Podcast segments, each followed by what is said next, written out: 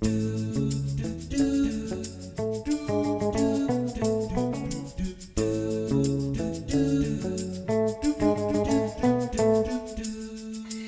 välkommen tillbaks till Bokspanarna, podcasten från biblioteken i Luleå, där vi ger dig våra bästa lästips och så vaskar vi fram pärlor ur bokfloden som är både bred och lång. Idag är vi som vanligt här. Jag, Helen. Och jag, Agneta. Och jag, som kanske heter Janne Austin. Men jag heter Magnus. Men vi ska prata om Jane Austen och författare som skriver i hennes anda. Aha, så hon är ju också med här idag kan man säga. Ja, ska jag börja? För det är nämligen så här att alla har väl varit lite nyfikna på hur det gick för Elizabeth och Mr Darcy när de träffades. Och sex år senare så får vi veta att de har fått två barn. De bor på godset Pemberley, där Fitzwilliam Darcy alltså är uppvuxen, och de har hunnit få två söner. Och kärleken mellan makarna den frodas och den här tillknäppte Mr Darcy han tinnar upp mer och mer och de har faktiskt ett, ett riktigt bra förhållande om man tänker på att året är 1803. Och just nu så håller de på att förbereda Pemberley för den årliga höstbalen uppkallad efter Darcys mamma Lady Anne och den ska gå av stapeln den 15 oktober. Och då har Hedvig namnsdag, fast det var ju en liten bisak bara för att jag heter Hedvig. Mm. Ja. Eh, men dagen innan så avbryts de här förberedelserna bryskt genom att Elisabeths hemska och bortskämda syster Lydia, alltså det är jag som tycker att hon är hemsk och bortskämd, mm hon kommer åkandes i vild fart i en chäs och påstår hysteriskt att hennes man, Mr Wickham, alltså Darcys barndomskamrat, att han har blivit skjuten av sin kompis Denny, eller vän Denny.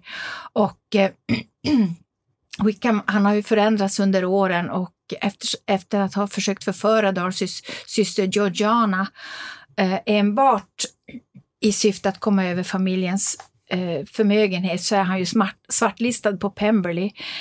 Um, och det här att han sen gifte sig med Elisabeths syster Lydia, det har ju krånglat till det hela. På godset eh, inför festen så finns också Jane som gifte sig med Bingley, med, med Darcys andra vän. Och den här boken då av P.D. James, ska jag kanske tillägga, den är jag tycker att den är väldigt bra skriven. Alltså hon, har, hon har fångat in det tidstypiska i, i sitt sätt att skriva, förutom något enstaka ord som jag tror kanske hellre är översättarens fel än, än P.D. James fel, för jag har svårt att tro att hon skulle göra en sån miss. Um, det är ju så att uh, Fitzwilliam Darcy, det krånglar till det hela att han heter Fitzwilliam, för han har ju även en, en eh, morbror eller farbror som också finns på godset som också heter Fitzwilliam. Och deras, en av deras söner, alltså Darcys och Elizabeths, han heter också Fitzwilliam. Mm. Så att, eh, men det är alltså, man kan väl kalla honom för Mr Darcy, precis som de har gjort i Bridget Jones dagbok och precis som i Sanning och skvaller av av vad heter hon, Curtis Sittenfeld. Den, den utspelar sig i nutid och den är helt fantastiskt bra, men den får vi prata om en annan gång.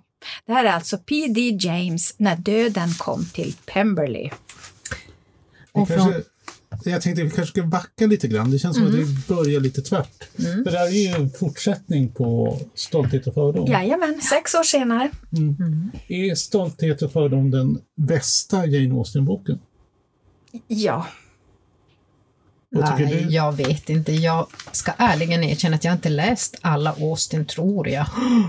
Ja, det är väl som att svara i kyrkan nu när man har en Austin-expert här. Men om vi går tillbaks då från Pemberley till Longbourn, där allting startade, Huset Longbourn av Joe Baker. Och i den boken så får vi träffa tjänstefolket ungefär när stolthet och fördom utspelar sig. Och Longbourn, ursäkta, där är, ju, där är ju där familjen Bennet bor. Men nu får man alltså träffa tjänstefolket. Mm. som nu är framträdande och familjen Bennet är lite bakgrundsfigurer kan man säga. Och det man mest får följa är jungfrun Sara som kom till Longbourn när hon var väldigt liten under Mrs Hills beskydd för Mrs Hill och Mr Hill. De har inga barn. Mrs Hill hon är hushållerska och kokerska och hennes man Mr Hill som börjar bli gammal och skröplig, han är kusk och lite bekänt. Eh, Så att som sagt, det är mest Sara man får följa, hon är lite av huvudperson. Och sen kommer en mystisk ny man. James Smith får jobb på Longbourn som bekänt och kusk. Och Sara hon känner att det är något mystiskt med denna James Smith och så hon är och gräver i hans rum när han inte är där. Eh, det som jag tycker är bra med den här boken är att den får mig att både skratta och bli arg för hur man behandlade folk på den tiden. Till exempel de här fnissiga pimpinetta små flickorna i familjen Bennet som helt plötsligt får för sig att de vill ha nya skorosetter. Och det är uselt väder ute, det vräker ner. Och Sara hon får promenera i geggamojan och regnet för att hämta dessa skorosetter. Och det var långt ingen är ko- det ju. Ja, lång Ja. väg är det. Jajamän. Och om man nu får svära i kyrkan så måste jag säga att jag tycker den här boken är mer intressant än Stolthet och fördom. Faktiskt. ja, jag kanske blir nedslagen när jag går ut, men jag tycker faktiskt det. Det är ju mycket slit eh, för personerna i hushållet, men som sagt, man får skratta mycket. I huset, av, huset Longbourn av Joe Baker. Mm, jag tyckte också att den var riktigt, riktigt bra. Hur är den skriven? Alltså, försöker hon imitera Jane Austens språk eller är den självständig på det sättet? Mm, jag tycker nog att den är lite både och skulle jag vilja säga. Ja, den känns ju som att den är också är Ja, tidstypisk. det tycker jag Ja. nog. Att det, det är inte så här Det är inte överdrivet Nej, inte tidstypiskt om man nu får uttrycka sig så, utan jag tycker Mm. och bra flyt i läsningen och nej, jag, ty, jag tyckte den var riktigt bra Ja. faktiskt. Och gillar man Downton Abbey till exempel Ja. så är ju den här helt Absolut. perfekt. Ja. Om nu Stolthet och fördom är inte den bästa boken av eh, Jane Austen så är det ju faktiskt den som oftast kanske bearbetas och parodieras. Det finns till och med något som eh, eh, kallas för mashups. Det är alltså där man tar originaltexten och så lägger man in en helt ny text. Och det är Ja, ska jag vara närmare? Oh. Och ex exempel på det, det är ju eh, Stolthet och fördom och zombies. Där man blandar liksom den klassiska historien med zombiepartier. Och personligen så kanske inte jag är så förtjust i det, därför det där med zombies och Jane Austen och tepartyn, det går ju inte riktigt ihop. För om man har en zombie på, bjuder dem på te, så, så frågar man, ska det vara en kopp te till? Och då säger hon, gärna. och då får man ju inte dricka någonting.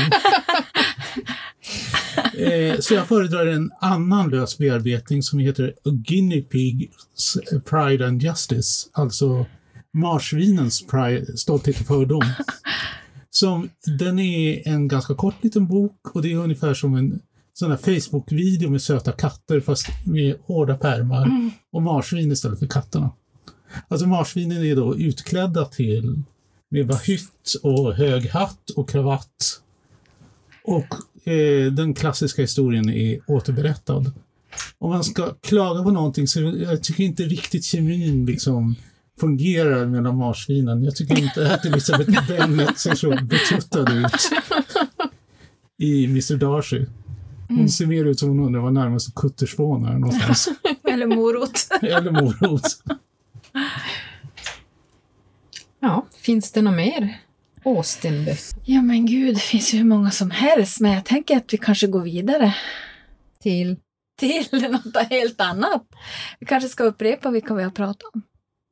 Ja, men det. Eller? Vi avslutar väl med att upprepa vad vi har pratat om. Och eh, det är Huset Longbourn av Joe Baker. När döden kom till Pemberley av P.D. James. Stolthet och fördom och zombies av Seth Graham Smith och Guinea Pigs Pride and Free Justice av faktiskt Jane Austen. Fast jag tror inte hon har tagit fotona. Alltså hon har skrivit den. Eh, alltså Eller? det är, eh, jag tror inte att det är så mycket text i den. Jag har bara Nej. sett webbversionen av den. Det finns Ah. faktiskt en trailer till den på Youtube Mhm. där man får se eh, marsvinen in action när de hårdflörtar. Ja. Oh, interesting. Och vad söker man på då? Marsvin och Austen? Man söker på Guinea Pigs Pride and Free Det är det. Betydligt enklare. Om man kan stava. Just det. Ja. Men då säger vi tack för idag och på återhörande.